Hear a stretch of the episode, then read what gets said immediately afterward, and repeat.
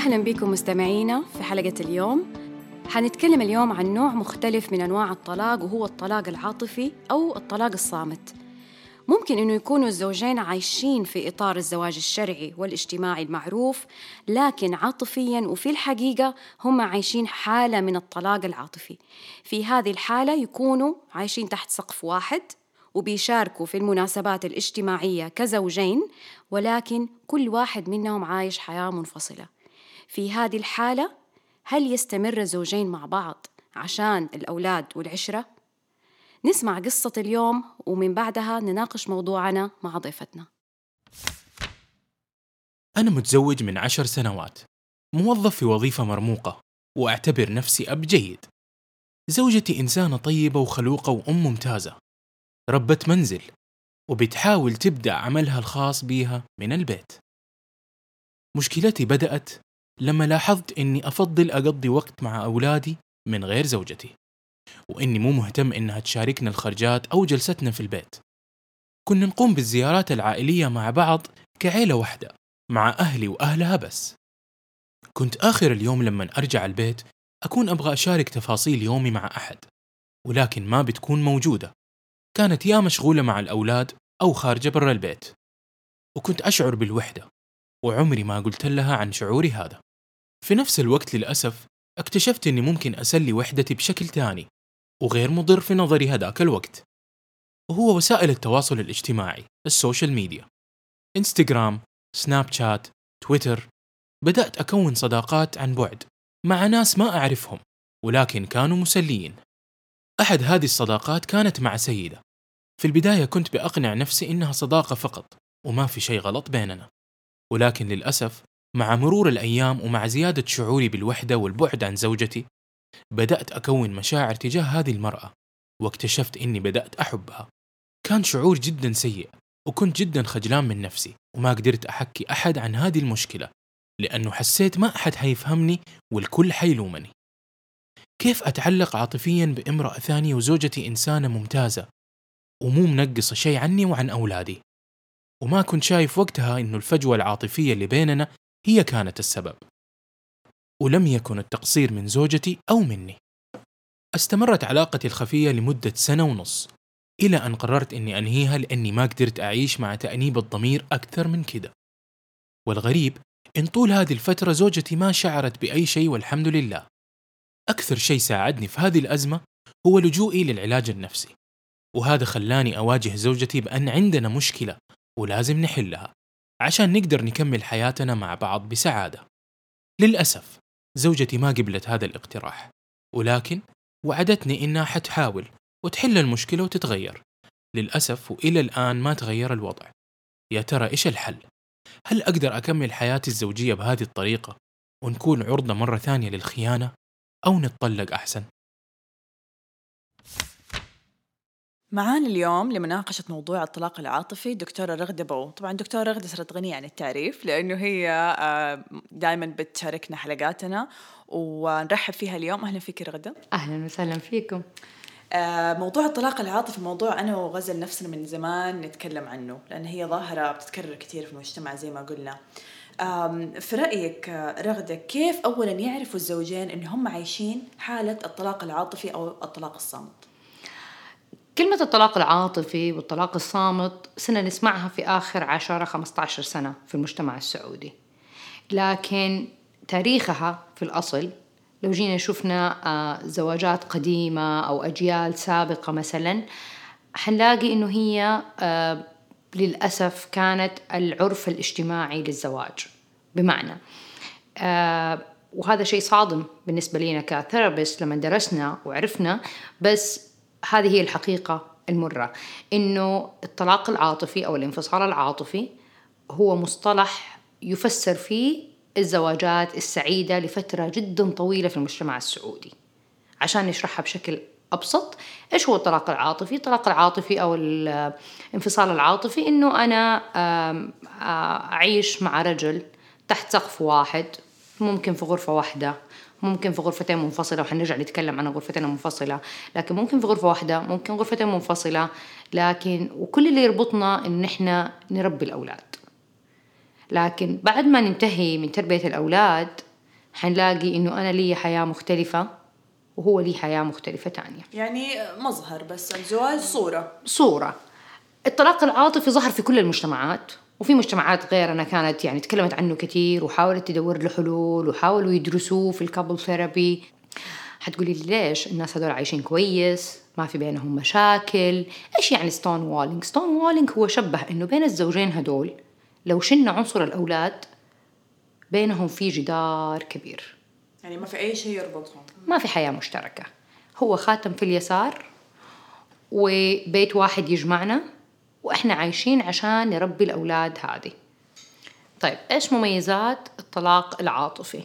هو زي ما له سلبيات إحنا حنتكلم عنها طول الحلقة. خلينا من باب العدل يعني نتكلم عن الإيجابيات اللي ليه وليش عشان نفهم ليش الناس تحبه والناس بتستمر فيه وبيعيشوا فترة وبينتشر طويلة كمان. وبينتشر. مميزاته إنه الزوجين هذول في المجتمع اسمهم متزوجين. عشرة خمسة عشر عشرين خمسة وعشرين ثلاثين أربعين سنة إحنا متزوجين. في استقرار بشكل رهيب في هذا النوع من الزواج. وحنت... احتكاك أساسا. بالضبط. ال- الميزة اللي في هذه إنه هي العلاقة إحنا نسميها علاجية يعني therapeutically نسميها علاقة ميتة. يعني ياما أنا شفت ناس couples جون العيادة وقالوا لي إحنا ما نتضارب على شيء. إحنا ما عندنا ولا شيء متضاربين عليه ويفسروه بإنه هو نوع من التفاهم. وهو للأسف ما هو تفاهم. هو مجرد آه انفصال شديد. أيوه مشكلة عندنا بيشوف المجتمع انه المتزوجين لما يتضاربوا كأنه عندهم مشكلة. بالعكس أنا أشوف لما يتضاربوا it's healthy يعني صح هي علامة إنه العلاقة صحية. okay هي- طبعا مضاربات بمستوى معين يعني. إلى حد ما صحيح بس هذا دليل إنه في احتكاك وفي حياة مشتركة. آه ال ال الأزواج السعداء يعني في التصنيف لما أقول لك هم ما يتضاربوا على ألف شيء هم يتضاربوا على شيء واحد ألف مرة. okay؟ هذه نقطة خلاف وألف مرة بيتضاربوا عليها وبيحاولوا يصلحوها بس مو كل المشاكل تنحل. في مشاكل يقول لك يعني unsolvable problems هذه ما تنحل بس هي مشكلة موجودة وإحنا بس بنتعايش معاها. طبعا تختلف من زواج لزواج تاني. لكن في في حالة ال stonewalling خلينا نشرحها قبل ما نقول مميزاتها أكثر ال stonewalling يعني إيش؟ يعني زوجين عايشين تحت سقف واحد وبيربوا الأبناء. وعايشين عشان الأبناء وهم والدين ممتازين للأبناء ومتفقين في حالات مرة كثير فيما يخص الأبناء. يعني أسلوب التربية الأدوار المهام نلاقي الزوج آه، مندمج في العلاقة هذه ومع الأبناء وأبو كويس والأم أم كويسة وبتتعب معاهم. لكن بعد الساعة عشرة بعد ما يناموا الأبناء وبعد ما ننومهم سواء الأب كان بينومهم أو الأم بتنومهم أو الاثنين بيساهموا تنتهي الحياة هنا. ودائما أنا سؤالي بعد الساعة عشرة إيش تسووا كل واحد يعيش حياته خلاص. بالضبط. فبنلاقي إنه الأم أو الزوجة بتاخد آه، حياة وشيء تشغل نفسها فيه أو آم، يعني تتلهي فيه لأنه هي الحياة تطفش بعد الساعة عشرة ما في شيء إما مثلا خروج إما علاقات اجتماعية إما عمل فهي تنام بدري عشان تلحق تصحى بدري عشان تكون يعني مشغولة في هذا الشيء والزوج نفس الشيء. آه بيكون involved مثلا آه، أص- أصحاب آه، ديوانيات جمعات سفر شغل شغل شغل شغل شغل كتير عشان هو ما في حياة بعد ما يناموا الأولاد. آه، من علامات ال- الطلاق الانفصال العاطفي لما أحد يقول لك أنا في ال couples إنه أنا يعني من الأشياء اللي مؤرقتني في حياتي من الآباء بالذات إنه أنا مثلا برجع بيتي أولادي already ناموا.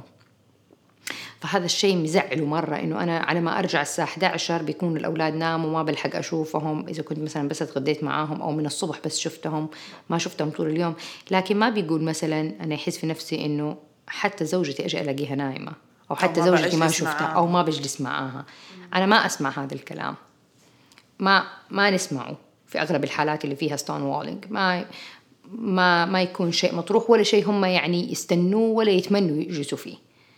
هم بالنسبة لهم يعني خلاص إحنا الحمد لله طبعا عايشين مع بعض إحنا رحنا مع بعض إحنا جينا مع بعض إحنا ويحضروا. كل المناسبات الاجتماعية وال... والأعياد والزواجات طبعا with the kids. يعني هو زواج سعيد ب يعني بمنظور المجتمع. أيوه. طبيعي. عشان كده هو كان مستمر في الأجيال السابقة قبل 15 سنة كان هو دي صورة الزواج السعيد.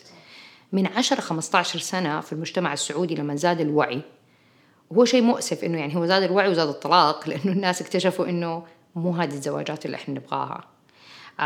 ما عندي دراسة حقيقية تقول كم نسبة الطلاق وكم أو كم بالضبط هي يعني دقيقة لكن من المشاهدة المجتمعية اللي إحنا كلنا بنشوفها إنه في نسبة مرة عالية وأغلب الناس بينفصلوا في سن صغير. في الثلاثينات كل اللي تجوزوا في العشرين أغلبهم بينفصلوا في الثلاثين بعد عشرة خمسة عشر سنة. لو سألنا نفسنا ليش بيصير؟ لأنهم بيكتشفوا حتى وطبعا الطلاق العاطفي آه صعب الطلاق فيه. الطلاق الحقيقي بعده صعب. ليش؟ لأنه كل المجتمع يتساءل ليه؟ أنتوا سعيدين. ما في مشكلة حقيقية. ما في مشكلة حقيقية ما في شيء ظاهر. وانت بتهز استقرار الأسرة دي اللي تعودت على الروتين هذا وتعودت على الوضع ده فأنت فجأة بتغيري الشيء اللي هم تعودوا عليه. بالضبط. صدمة للجميع إنه صدمة لكل الناس لأنه في لأنه كل الناس شايفة مميزاته. اللي إحنا ذكرناها في البداية اللي هي الاستقرار الأولاد في بيت واحد مع الأم والأب الزوجين مع بعض ما في مشاكل وبالتالي هذا النوع من الطلاق العاطفي أو الانفصال العاطفي ليش صعب إن إحنا ناخد قرار الطلاق بعده؟ لأنه حتى قرار الطلاق صعب على الزوج أو الزوجة إنه أنا ما حضحي بالاستقرار ده كله أروح لشيء أنا ما أعرفه. أنا ما في مشكلة مشكلة حقيقية مؤرقتني هي عايشة حياتها ومبسوطة. وأنا عايش حياتي يعني ماني مبسوط مبسوط. أو تقول لك أنا ما أرجع بيت أهلي مثلا ما عندي مكان مثلا. أبويا مثلا ما يقدر يرجع مثلا يصرف علي أو يأخذني زي هي مثلا ما هي مستقلة كمان ماديا. فأنا أشوف هذا كثير برضو بيصير. أيوة وكمان لما تيجي يعني يشوف يعني القرار صح صعب ويحتاج له شجاعة كبيرة عشان يؤخذ الطلاق قرار الطلاق الحقيقي بعده. لأنه يعني أنا عندي هنا السبيريتي والحياة ممتازة والمجتمع راضي وكل الناس سعداء والأولاد ممكن يعني يكونوا سعيدين يعني لأنه ما في مشاكل آه ما في أشياء بتصير قدامهم آه لكن هنا المفاجأة في, في يعني أضرار هذا النوع من الانفصال العاطفي إنه هو ما تبان أضراره في السنوات الأولى من الزواج على الأبناء. يعني الأبناء إلى 18 سنة لما يبدأوا يكونوا علاقات يبدأ يبان أثر الطلاق العاطفي عليهم. اللي الأهل ما بيحسوا أو ما بيستوعبوا فكرته إنه الطلاق العاطفي هذا بيعطي صورة نمطية للأبناء إنه هذا شكل الزواج. هذا الزواج السعيد. هذا الزواج السعيد. وهنا السؤال اللي كنا نبغى نوجهه ليكي إنه إيش هو تأثيره على الأبناء؟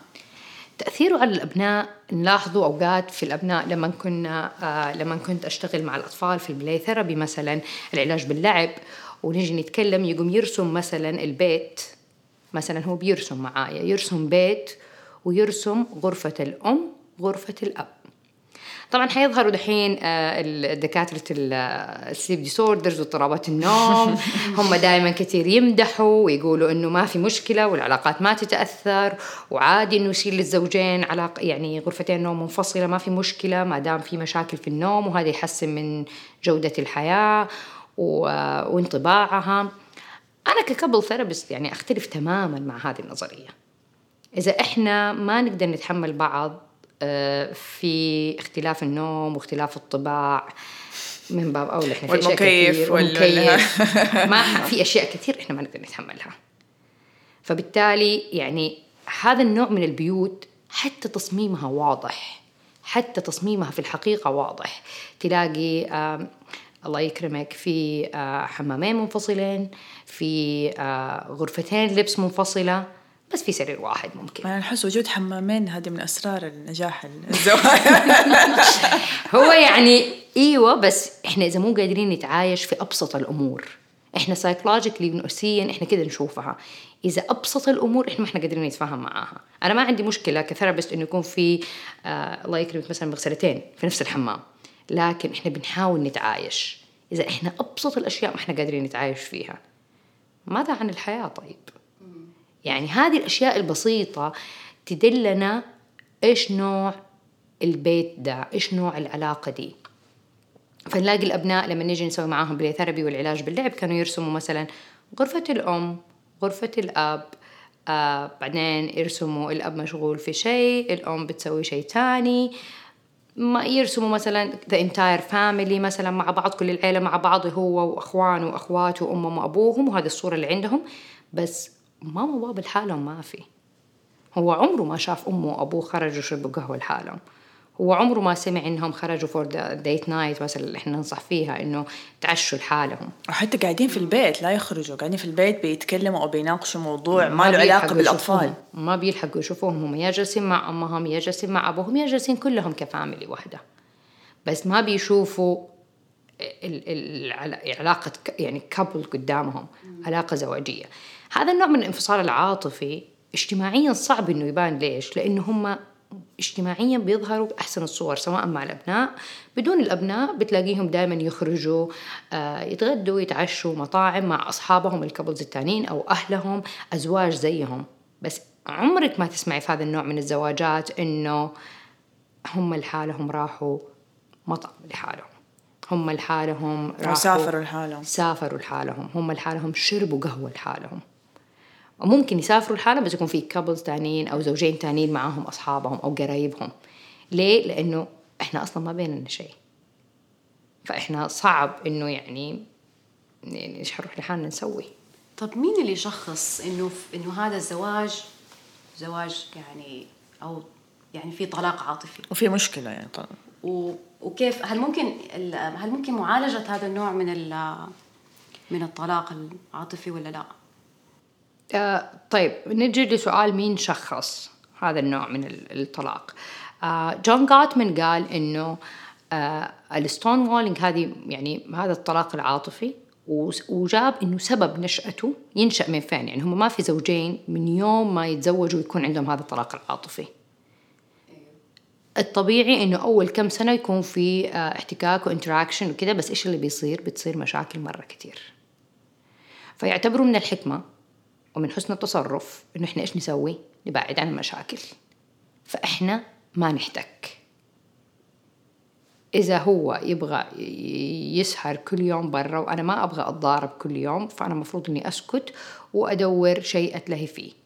إذا هي تبغى عندها حياة اجتماعية كثيرة ما أقول أنت بتخرجي طول الوقت ويصير يصير مشاكل عليه. خلاص هي تخرج وأنا أنهي نفسي في أي شيء تاني. فالتفاء هو أساس نشأته تفاديا من المشاكل.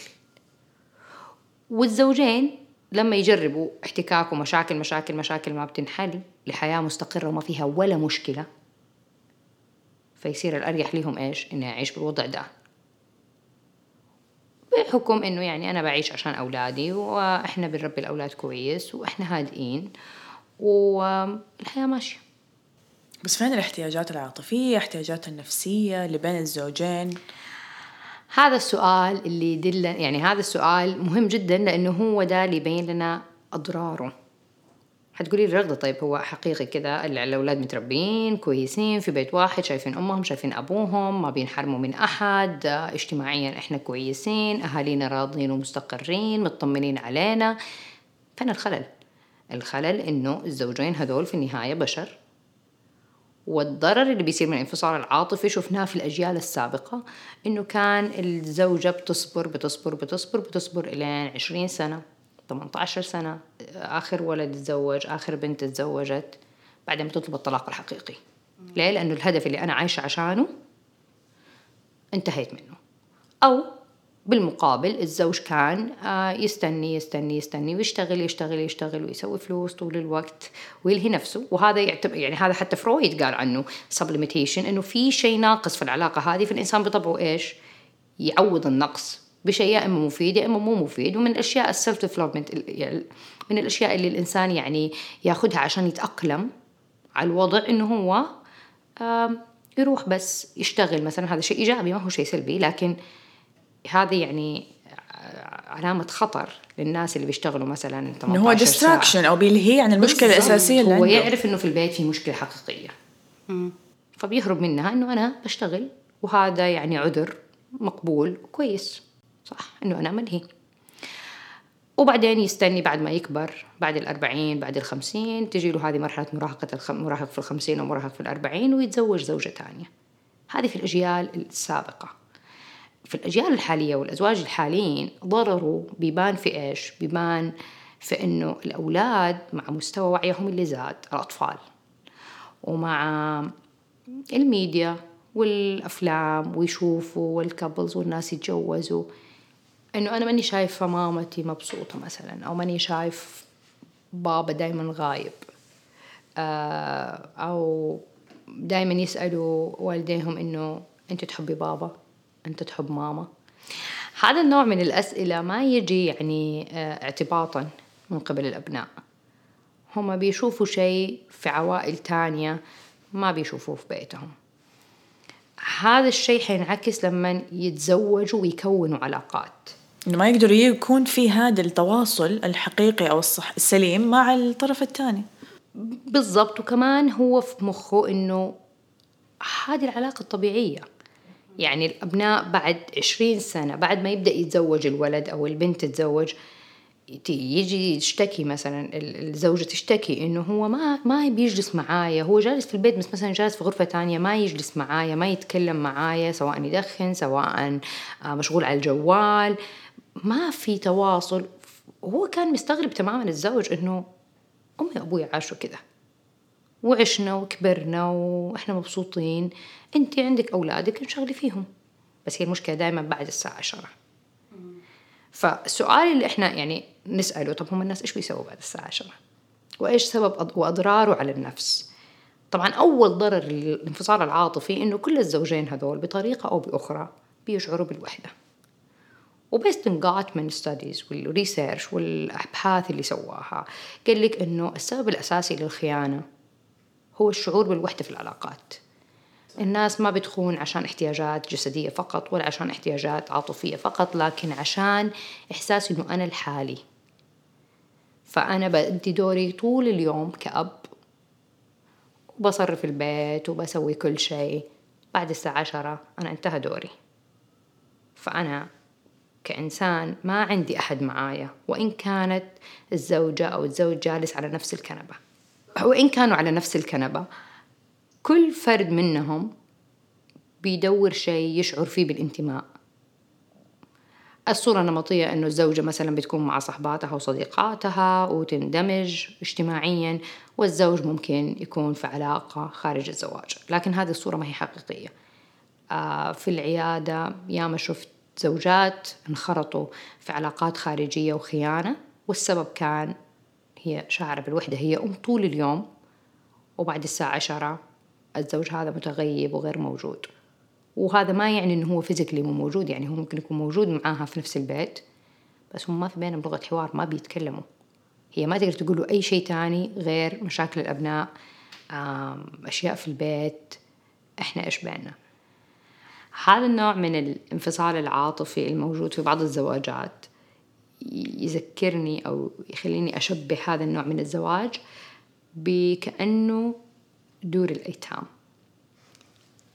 أعرف إنه تشبيه غريب بس يعني دور الأيتام هم هو بيت فيه موظفين موجودين على شفتات مختلفة عشان يربوا هدول الأيتام والأبناء. واو مرة تشبيه صعب يا رغدة. بينهم وبين بعض هذول الموظفين ما في شيء غير علاقة زمالة. إحنا بس نتكلم على آه إيش المفروض نسوي شؤون الأولاد. شؤون الأولاد كيف نرتبهم كيف هذه الدار كيف نظبطها. لكن ما في أي علاقة حميمية بينهم. هم مو شرط يكونوا أصدقاء. هم بس موجودين هنا لمهمة. نخلصها ونمشي. طب أنا متأكد الآن إنه كثير اللي بيسمعونا بيفكروا إنه طيب أنا كده حياتي يعني إيش أسوي؟ أتطلق؟ أنا مبسوطة وعايشة وزوجي ما بينقص علي شيء أو الرجال كمان يفكر. طبعا. الست هذه ما بتنكد علي وبالعكس وبتشوف كل احتياجاتي أنا وأولادي وكويسة وبيننا عيشة ليش أطلقها؟ فإيش الحل؟ يعني إيش يسووا دول الزوجين اللي اكتشفوا نفسهم إنه والله عايشين في هذه الحالة؟ طبعا أنا ما حكون يعني المستشار الأسري ولا النفسي التقليدي اللي زواجه ما زبطت خلاص يلا نتطلق. هذا هذا مو couple therapy. هذه أخذ قرارات عن الناس وكأنه يعني تشبيه يعني كانك أشبه كأني دكتورة طوارئ وجاني إنسان آه، قلبه آه، واقف. إحنا ما بنسعفه إحنا نقول خلاص خليه يموت أحسن. وهذا اللي كثير ناس بيسووه ما دام ما بيسأل عنك ما دام ما في بينكم نقاط تواصل للأسف يعني. فينصحوهم إنه انفصلوا. أنت ليش جالسة هنا؟ أنت ممكن تنفصل هنا وتلاقي إنسانة تانية أحسن وكل شيء. هذا مو حل واقعي. إحنا ناخذ الإيجابيات اللي موجودة ونحاول نعالج السلبيات اللي فيه. كل اللي يحتاجوه الزوجين هذول انه هم يعرفوا يروح لشخص مختص معالج زواجي مختص. وأكرر مرة تانية معالج زواجي مو استشاري علاقات أسرية أو علاقات اللي بس يعطيهم حلول. اللي يعلمهم يفهموا المشكلة من أساسها. يفهموا أنه سبب الانفصال العاطفي هذا تكرار المشاكل الأساسية. أو قد يكون سببه اختلاف فكري رهيب. وواضح مثلا وإنه ما إحنا قادرين نتفاهم فإحنا نعالج هذه المشكلة الأساسية إنه نحن نقرب الأفكار. نحاول آه نعرف كيف كل طرف يفهم الطرف الثاني. وفي تمارين مرة كتير إحنا نسويها في ال couple therapy بالذات في Gottman therapy آه من أهدافه إنه هو كيف نزيد ال friendship والصداقة بين الزوجين عشان يعيشوا لحالهم بدون الأولاد علاقة صحيحة. وأركز مرة تانية لحالهم. لأنه لاحظي هم الزوجين يبدأوا مع بعض على الكنبة لحالهم. وبعدين يجيبوا أولاد وبعدين يتلهوا فيهم وعشرة 12 18 سنة. بعدين لما يتزوجوا الأولاد ويروحوا هم حيرجعوا مع بعض رجعوا الكنبة. تاني لوحدهم. لحالهم. صح. أنا دائما أقول لك أو يصير كل واحد في كنبة يصير بعد ده كله في نفس دور الكنبة. بالضبط. أو في بيت في حال إنه صار طلاق حقيقي. فإحنا لازم نفهم أساس المشكلة هذه أدان فزي ما ذكرنا عشان نتجنب ال- الخلل الأساسي لوجود الانفصال العاطفي أو الطلاق العاطفي إنه إحنا نحل مشكلة التفاهم وال communication بين الزوجين في البداية.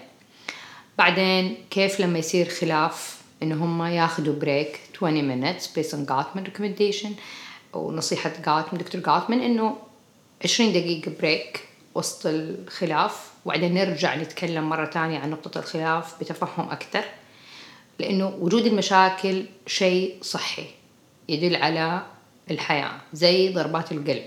الإنسان طول ما ضربات قلبه طالعة نازلة طالعة نازلة هذا دليل إنه هو عايش. لما ضربات القلب تكون خط واحد معناته مات. والانفصال العاطفي والطلاق العاطفي هو موت للعلاقة تماما. من أضراره اللي ذكرناها اللي هي الخيانة. أنا أبغى أتكلم عن الخيانة بشكل جدا بسيط إنه ما في خيانة تنشأ من فراغ. الخيانة زي النبتة والزوجين زي الشجرتين. لو الجذور مترابطة من تحت التربة النبتة هذه ما حتلاقي مكان إنها تنبت بينهم.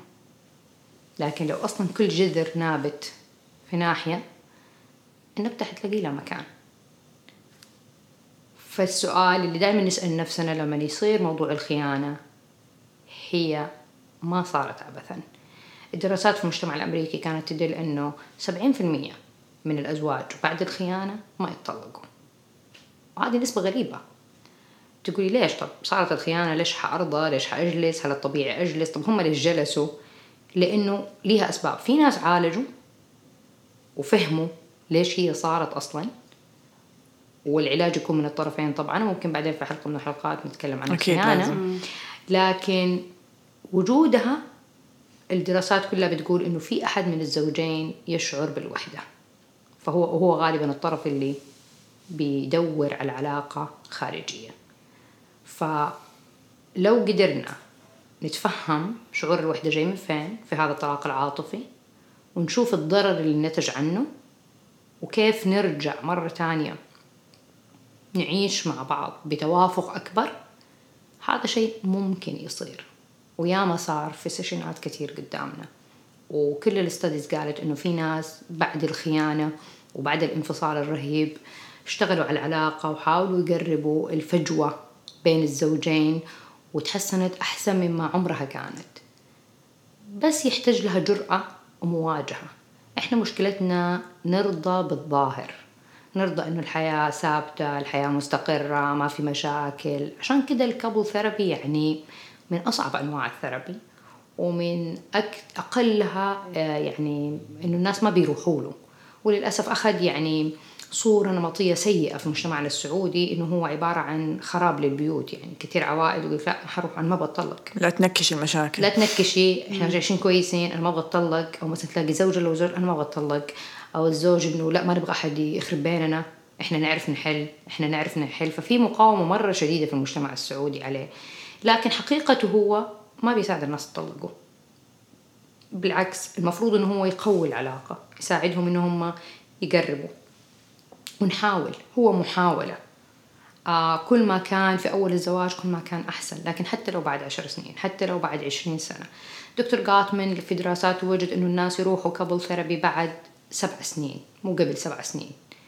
Which is الترامب اللي بيصير في كل يعني هو المنحنى اللي بيصير في كل الزواجات إنه يصير في خيانة يصير في انفصال عاطفي يصير في لأنه خلاص هذه مشكلة مستمرة مستمرة وأنا لازم أتعلم كيف أتعايش معها بأحسن الطرق. وبالتالي تستمر الحياة بدون مشاكل. خلاصة الكلام. زي ما قلتي رغدة قرار الاستمرار في الزواج أو الانفصال هذا قرار الزوجين لازم يتخذوه آه، بالاتفاق بينهم. وبرضه لو قرروا الزوجين إنهم يستمروا في الزواج فهذا برضه لازم يكون قرار مشترك بينهم آه يخ يعني يحتاج منهم جرأة ويحتاج منهم التزام كوميتمنت إذا كانوا الطرفين ملتزمين لإنجاح العلاقة فالعلاقة هذه ممكن تنجح ومو لازم يلجأوا للطلاق. آه ولكن إذا في أحد من الأطراف غير ملتزم بإنجاح العلاقة فممكن الطلاق هو يكون الحل. رغدة إيش تحب تضيفي؟ أحب أضيف إنه يعني الطلاق العاطفي مرحلة من مراحل الزواج. قد تظهر عند بعض الناس وما تظهر عند ناس آخرين. آه، أتفق معك تماما إنه هو يحتاج التزام من الطرفين رغبة في إنعاش الحياة هذه. آه، رغبة في الاستمرار بسعادة أكبر وإنه الطرفين يكون عندهم نفس الأهداف من الزواج. لاحظي من أهم أسبابه للأسف إنه في صورة نمطية عند بعض الأزواج أو الزوجات إنه هو الزواج كده. فإذا كنا نقول الطلاق العاطفي عشان ننشئ آه، أطفال أو أبناء سعداء فأنا آه، آسفة إني أصدمكم إنه إحنا بننشئ أطفال غير مؤهلين لحياة سعيدة. هذا هو نتيجة الطلاق اللي إحنا عايشينه الآن. آه إنه ما بيستمروا لأنهم ما هم سعداء في, في زواجاتهم. وبنعلمهم صورة نمطية سيئة عن الزواج. وبنفهمهم إنه هو بس عشان نجيب أولاد ونربيهم ونكبرهم وندخلهم مدارس بعدين نزوجهم. الزواج مفهومه أعمق بكثير من كده. وفي ألفة ومودة ورحمة أكثر لما نحتك أكثر. هذا الانفصال ما بيحسسنا بأي شيء من هذه المشاعر العاطفية. نشكرك رغدة على هذه المعلومات. إذا حبوا الناس يتواصلوا معك أكيد عن طريق Purple Couch. موقعنا الإلكتروني purplecouchcenter.com أو على ال social media Purple Couch نت okay. وأكيد إذا تحبوا تتواصلوا معنا فإحنا متواجدين عبر الإنستغرام والفيسبوك وتويتر وعبر ال email info at اقلب الصفحة dot com شكرا لكم. كان معاكم بسمة وغزل. هذا البرنامج يقدم برعاية جمعية المودة للتنمية الأسرية بمنطقة مكة المكرمة.